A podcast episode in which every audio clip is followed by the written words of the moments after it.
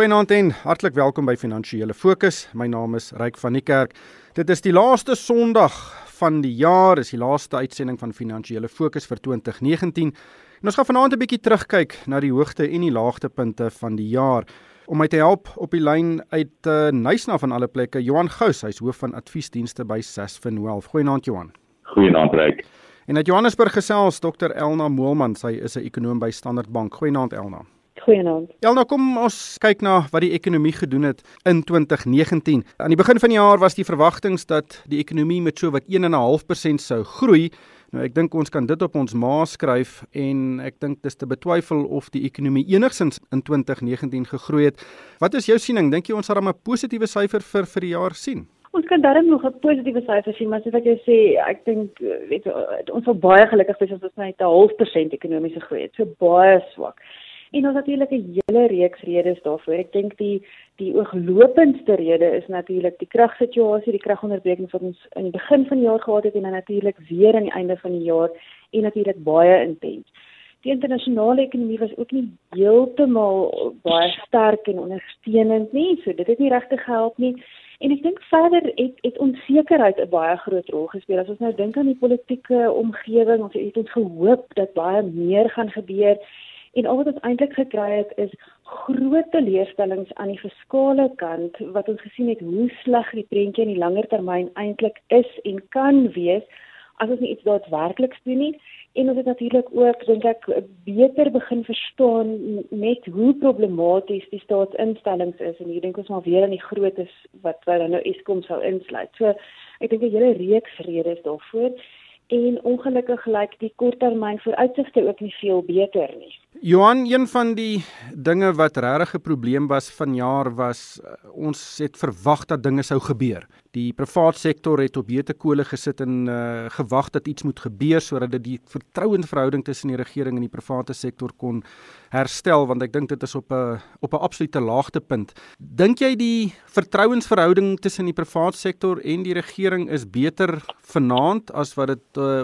op die eerste Sondag aand van hierdie jaar was? Kyk ja, miskien moet ek so begin en, en sê, sê ek dink 2019 as ek die jaar opsom sou ek sê dit is 'n jaar van teleurstelling, dit is 'n jaar van ontnigtering, onsekerheid, maar tog op die einde van hierdie jaar lyk dit nou of daar tog 'n bietjie van 'n ommekeer was in terme van 'n moontlike herstel van vertroue. Jy weet ons het besigheidsvertroue op 'n 20 jaar laagtepunt nou gesien van die laaste syfers. Maar ek dink wat tog gebeur het, ryk spesifiek hier rondom die storie met Eskom. Wil dit vir my lyk of daar dalk nou 'n beweging is waar daar erkenning is dat die private sektor tog 'n groot rol het om te speel in terme van die omdraai van hierdie massiewe strukturele probleme wat ons in ons ekonomie het. So ek dink daar is tog vroeë tekens wat daar 'n bietjie van 'n hand uitgesteek word na die private sektor as ons kyk ook van die aanstellings wat gemaak is onlangs en van die staatsbeheerde organisasies. Wil dit tog vir my lyk of daar tog gesê word julle as besigheid het 'n groot rol om te speel in die omdraai van ons ekonomie. Ja, nou kom ons kyk na die inflasiekoers want ek dink dit is een van die goeie ekonomiese aanwysers wat ons het in Suid-Afrika op die oomblik. Dit is op 'n laagtepunt uh, sedert die laat 2000s en dis heeltemal onder beheer, maar ons het hierdie jaar net een rentekoersverlaging gesien. Uh, hoe dink jy die Reserwebank was dalk van jare bietjie konservatief? Ek dink so, as ek nou inflasie vooruitskattinge kyk, dan is ons inflasie vooruitskattinge vir 2020 min of meer in lyn met die middel van die teiken, soos omtrent 4.5%. En dit sê dan eintlik vir jou dat die Reserwebank ruimte het om koerse te verlaag. Ek dink ook dat die risiko's relatief tot daardie vooruitskattinge eerder laer as hoër is. Met ander woorde, ons gaan eintlik net twee faktore sien wat ons inflasionêr gaan wees in 2020. Ons gaan waarskynlik 'n bietjie hoër voedselinflasie sien en dan nog steeds natuurlik relatief hoë munisipale tariefverhogings. Maar verder is die is die ekonomie maar redelik pap, so daar kom geen inflasionêre druk daarvandaan nie en natuurlik is internasionale inflasie nogal laag. Maar ek dink waarop die Reserwebank baie gefokus is, is die moontlikheid dat Moody's ons gaan afgradeer dat ons dan uit die wêreld um, staatseffekte indeks of die World Government Bond Index gaan val en hulle is bekommerd oor hoe groot die kapitaalvloeie gaan wees wat daarop gaan volg. So hulle is dan bekommerd dat jy 'n skerp reaksie in die wisselkoers kan sien en, en dit is baie moeilik om te weet hoe lank dit volgehou gaan word en ek dink dit is dit is dan nou eintlik maar die rede waarom hulle eerder konservatief is en eerder wag totdat ons sien wat gebeur en wat die impak op die wisselkoers en dan nou inflasie vooruitskattinge is voordat hulle sny.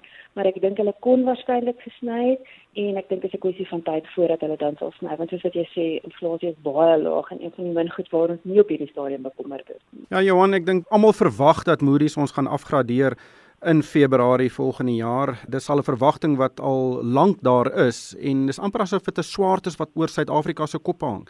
Ja, ryk, ek dink interessant genoeg as ons nie afgegradeer word nie, dink ek gaan ons dalk 'n loopie sien op ons markte en spesifiek in ons effekte mark. Uh en die rand gaan dalk jou moontlik so 'n bietjie kan versterk want ek dink soveel van daardie afgradering het reeds ingeprys in uh, die markte. Jy weet ons Moody's en S&P gehad het laas maand klaar die vooruitsigte vir ons na negatief aangepas het.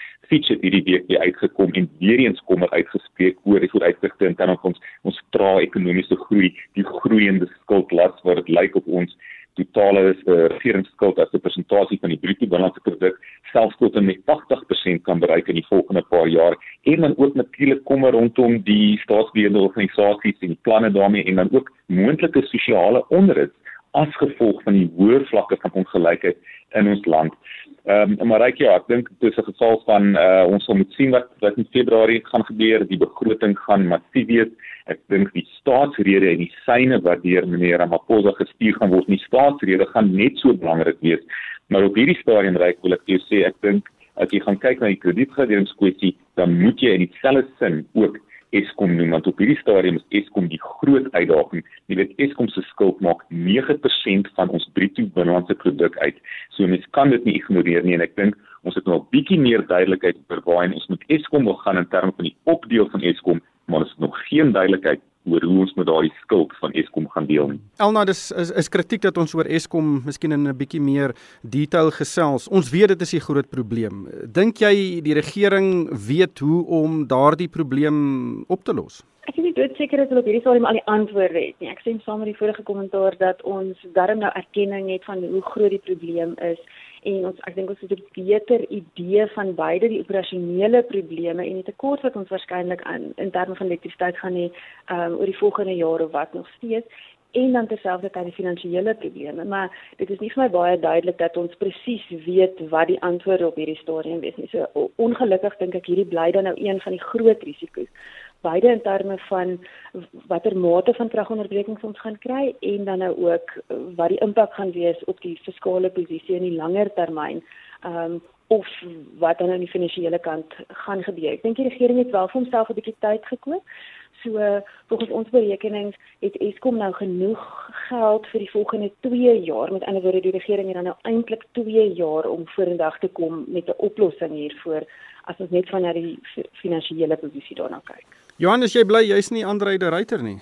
Ek is reg. Ehm um, ek dink jy weet uh, ek het nou al ook gesê jy weet jy kry eh, 'n uh, hospitaal aangee en dan kry jy 'n uh, kritieke eenheid uh, tipe van aangee en ek dink hy het tot 'n groot mate een van hierdie kritieke eenheid aan aangee gekry. Maar weer eens, jy weet ek dink hulle sou hom nie gekies het as hulle nie gedink het hy het die vaardighede nie. Ek dink krities hierso is dat ons het nou basies ons 11de hoof vir Eskom binne 10 jaar gaan hy die antwoord wees ons weet nie maar ek dink ehm um, jy weet daar's baie mooi besin oor uh, wie hierdie persoon moet wees en ehm um, ek wens net alles sterkte toe. Ja hooplik het hy die ruimte om ongewilde besluite te neem. Elna die internasionale ekonomie was ook vanjaar baie interessant en ek dink dit is in 'n groot mate oorheers deur hierdie handelsspanning tussen China en Amerika. Ons het gesien hoe aandelemarkte bykans weekliks reageer op uh gissings oor of daar nou 'n ooreenkoms gaan wees of hoe 'n uh, ooreenkoms verander kan word in die toekoms. Wat dink jy van hierdie handelsoorlog en en die, die reaksie wat dit meegebring het op aandelemarkte en in die gemoedstoestand van mense reg oor die wêreld? Ja, ek dink die punt wat jy maak oor die gemoedstoestand is nogal belangrik. Ons het nogal heelwat modelleringswerk gedoen oor hoe groot die impak van hierdie handelsoorlog op die ekonomie is en die direkte impak is nie noodwendig reusagtig nie, maar die oomblik wanneer dit 'n groot impak op vertroue begin hê. En jy net dood eenvoudig sê dit dit dra by tot onsekerheid en jy is nie doodseker hoe jy jou besigheid dan nou moet posisioneer vir die volgende jaar of twee nie dan verdubbel of vertrippel dit sommer daardie uh, totale ekonomiese impak. So so daardie vertrouensimpak is baie belangrik. Ek dink die die nuutste tekens lyk baie bemoedigend. Dit lyk tog of daar goeie vooruitgang is, maar ek moet sê beide ons ekonomie wat na China kyk en ons ekonomie wat na Amerika kyk, is nie heeltemal oortuig dat dat hierdie die einde van die storie of die draaipunt is en dit van hier af net beter sal gaan nie. Hulle is nog baie bekommerd dat die groot onderliggende probleme nie heeltemal aangespreek is nie. Met ander woorde, jy het nou hierdie vooruitgang gehad en en bietjie toegewings van beide kante af, maar eintlik is daar maar nog steeds kommer oor die mate waartoe China hulle staatsinstellings ondersteun, subsidies aan industrie gee ensovoorts. So ons is maar nog 'n bietjie bekommerd dat ons weer later onsekerheid gaan hê dat dit maar weer so een tree vorentoe en twee tree terug gaan wees totdat totdat daardie onderliggende probleme op aangespreek is. Miskien net om daarbey aan te sluit, net om te sê, jy weet ek dink hierdie jaar was definitief uh, 'n uh, jaar van kat en muis gewees, uh, speletjies tussen hierdie twee groot moonthede. Hierdie soos Elma gesê het, hierdie hierdie is maar fase 1 uh, ooreenkoms ooreenkoms wat ons bereik het. Ons moet so sien presies hoe alles uitspeel. Maar dan, jy weet, as ons praat oor vertroue en so voort, ons kyk na wat die markte gedoen het, dan ten spyte van al hierdie wisselvalligheid en onsekerheid wat ehm um, hierdie handelsooreenkomste uh, nou uh, tot gelei het hierdie jaar is die wêreldaandelemark nog steeds op met amper 25% in dollars. So jy kyk altyd verby van hierdie tipe van wisselvalligheid in markgeraas en jy kyk altyd terug na die fundamentele faktore. Elna Brexit, ons het baie onsekerheid oor Brexit gesien. Wat is jou gedagtes daaroor? Ja, ek dink ons het daarmee 'n bietjie beter idee van hoe dit gaan uitspeel en ons het min of meer 'n raamwerk van die van die tydlyn waarna ons kyk en ons behoort binne die volgende 12 maande dan nou heelwat meer sekerheid te sien. Maar ek moet sê weer eens ons internasionale ekonom is 'n bietjie bekommerd dat die tydlyn eintlik baie kort is. Met ander woorde, hulle het nou net 'n jaar oor om regte groot handelsooreenkomste finaliseer en en ons weet natuurlik is dis baie gedetailleerde ooreenkomste wat aangegaan moet word ensovoorts. Sy is nogal bekommerd dat hulle dalk nie dit gaan regkry om dit binne 'n jaar te doen nie. So weer eens sou ek sê die die vooruitskattings is baie positief en die onsekerheid begin 'n bietjie minder word en en dit behoort dan nou agter die rug te wees 'n jaar van nou af. Maar daar is 'n risiko dat ons dalk nie daardie tydlyn gaan maak nie en dat daardie onsekerheid dan nou weer eens maar 'n bietjie met ons gaan bly.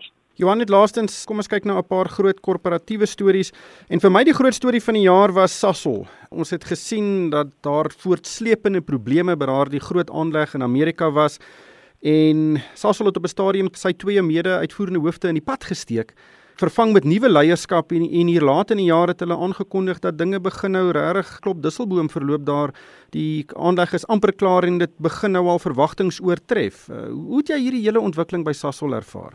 Ja, ek weet ek dink daar was net 'n totale verlies van vertroue gewees in die boodskappe wat uit Sasol uitgekom het. Daar was die hele tyd beloftes gewees en elke keer het hulle daardie nie daai tekens gemaak nie. Uh, en ek dink op die einde van die dag het dit punt bereik waar daar drastiese stappe nodig was en dit het nou gelei daartoe dat die twee uitvoerende hoofde of meer uitvoerende hoofde afgedank is. Miskien gaan dit ook 'n vraagteken laat oor was daardie struktuur van om twee hoofde te hê die regte een gewees te stassel. Natuurlik het dit ook te doen met hoe jy basies jou jou oorgang doen van die een na die volgende persoon. Ek dink baie slegte nuus wat ingeprys uh, in die Sasol aandeel prys vir die laaste die laaste so die begin van die jaar alreeds En uh toe kom ons nou laasweek en ons sien daar is van die eerste produksie wat lyk like, nou uit uit like Charles uit begin kom en ewe skielik hardloop die aandeleprys met 10%. So ek dink weer eens baie slegte nuus ingeprys in Sasol, maar hopelik is hierdie die begin van 'n lang omdaagproses. Nog 'n groot storie was Naspers wat MultiChoice en Prosus ontknoop het. MultiChoice vroeg in die jaar Prosus heelwat later en uh die maatskappy probeer waarde vir sy aandeelhouers ontsluit en nie alles gekonsentreerd hou binne in Naspers nie. Wat het jy gedink van van die ontsluiting van MultiChoice en ook Prosus? Ja, ek onthou die een van die redes was toe sien nou sê om waar dit ontsluit, maar daar's hierdie massiewe diskontie tussen waar die Naspers aandeleprys uh, verhandel en wat die netto batewaarde van die besigheid is, natuurlik uh, met Tencent wat die groot waarde hou van hierdie aandeel. Maar ehm um, of daardie diskontie noodwendig uh, veel verkleiner, dis nou 'n ander vraag maar um, ek dink die, die die jy kon nie vir meer gevra gegee die huidige markomstandighede en hoe proses toe genoteer is nie. Ek dink die aandele is nou 'n bietjie meer verhandelbaar op die JSE ook, die feit dat hy so 'n bietjie verdeel is, maar ek dink jou uh, werklike konsentrasie risiko, konsentrasie risiko in jou portefeulje is nie noodwendig soveel verminder nie. Gegee dat Nasdaq nog steeds omtrent wat 75% van Prosus besit maar hierdie is hopelik ook nog maar net deel van 'n proses en 'n paar groot stappe ook dan om verder daardie diskonto te verklein. Net laastens ook uh, Pieter Moyo, die voormalige uitvoerende hoof van Old Mutual en Old Mutual het omtrent vir die hele jaar lank in die hof geboks. Dit gaan oor sy afdanking weens 'n skynbare konflik van belange wat uh, nie reg hanteer is nie. Daar word ook modder gegooi na Trevor Manuel, Old Mutual se voorsitter en dit is reg nie 'n goeie getuigskrif vir koöperatiewe regering binne Old Mutual nie. Wat het jy van hierdie hele saga gedink? Ja, reg, jy weet, ek dink dit is 'n geval van hier was groot egos betrokke gewees. Ehm um, en ek hoop net dat in hierdie hele proses het koöperatief Suid-Afrika weer eens bietjie geleer oor hoe om goed te kommunikeer met aandeelhouers waaroor gesonde koöperatiewe bestuur gaan wanneer dit kom by kwessies soos die moontlike konflik van belange en dat jy nie jou vuil was goed in die publieke uh sektor of die in die openbare gebeur was nie want op die einde van die dag weet die ondergeleide die aandeelhouers met die aandeleprys van Old Mutual wat redelik sterk teruggesak het sedert daardie kwessie op die lap gekom het. Elna net ook 'n baie groot storie hier later in die jaar was die Suid-Afrikaanse lugdiens wat in sake redding geplaas is. Natuurlik is dit 'n baie baie groot stap. Daar's baie probleme met staatsbeheerde instellings en hier is die eerste daadwerklike ingryping of eksterne ingryping om hierdie situasie om te keer. Wat het jy gedink van van daardie besluit om die SAL in sake redding te plaas? Ek dink dit is waarskynlik deels 'n manier vir die regering om 'n om 'n bietjie terug te staan. Met ander woorde, wanneer jy nou in sake redding is, dan word dit amper iemand anders wat die moeilike besluite moet neem. So so ek dink dit was deel van die oorweegrede geweest.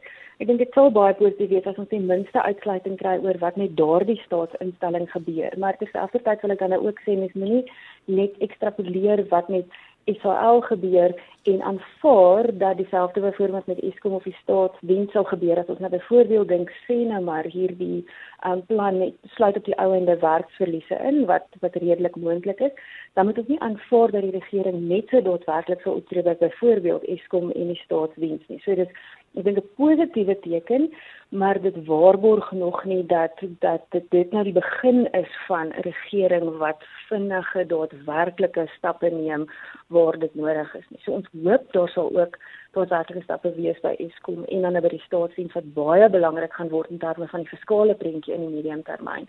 Maar ek dink nie 'n mens kan dit aanvaar net op grond van van hierdie stap by Israel nie. Ongelukkig hierdie tyd ons ingehaal. Baie dankie aan Johan Gous, hy's hoof van adviesdienste by Sasfin Wealth en ook Dr Elna Moelman, sy's ekonom by Standard Bank. En daarmee moet ek groet van my ryk van die kerk. Baie dankie vir die saamluister en ek hoop almal het 'n laaste paar winsgewende dae van 2019.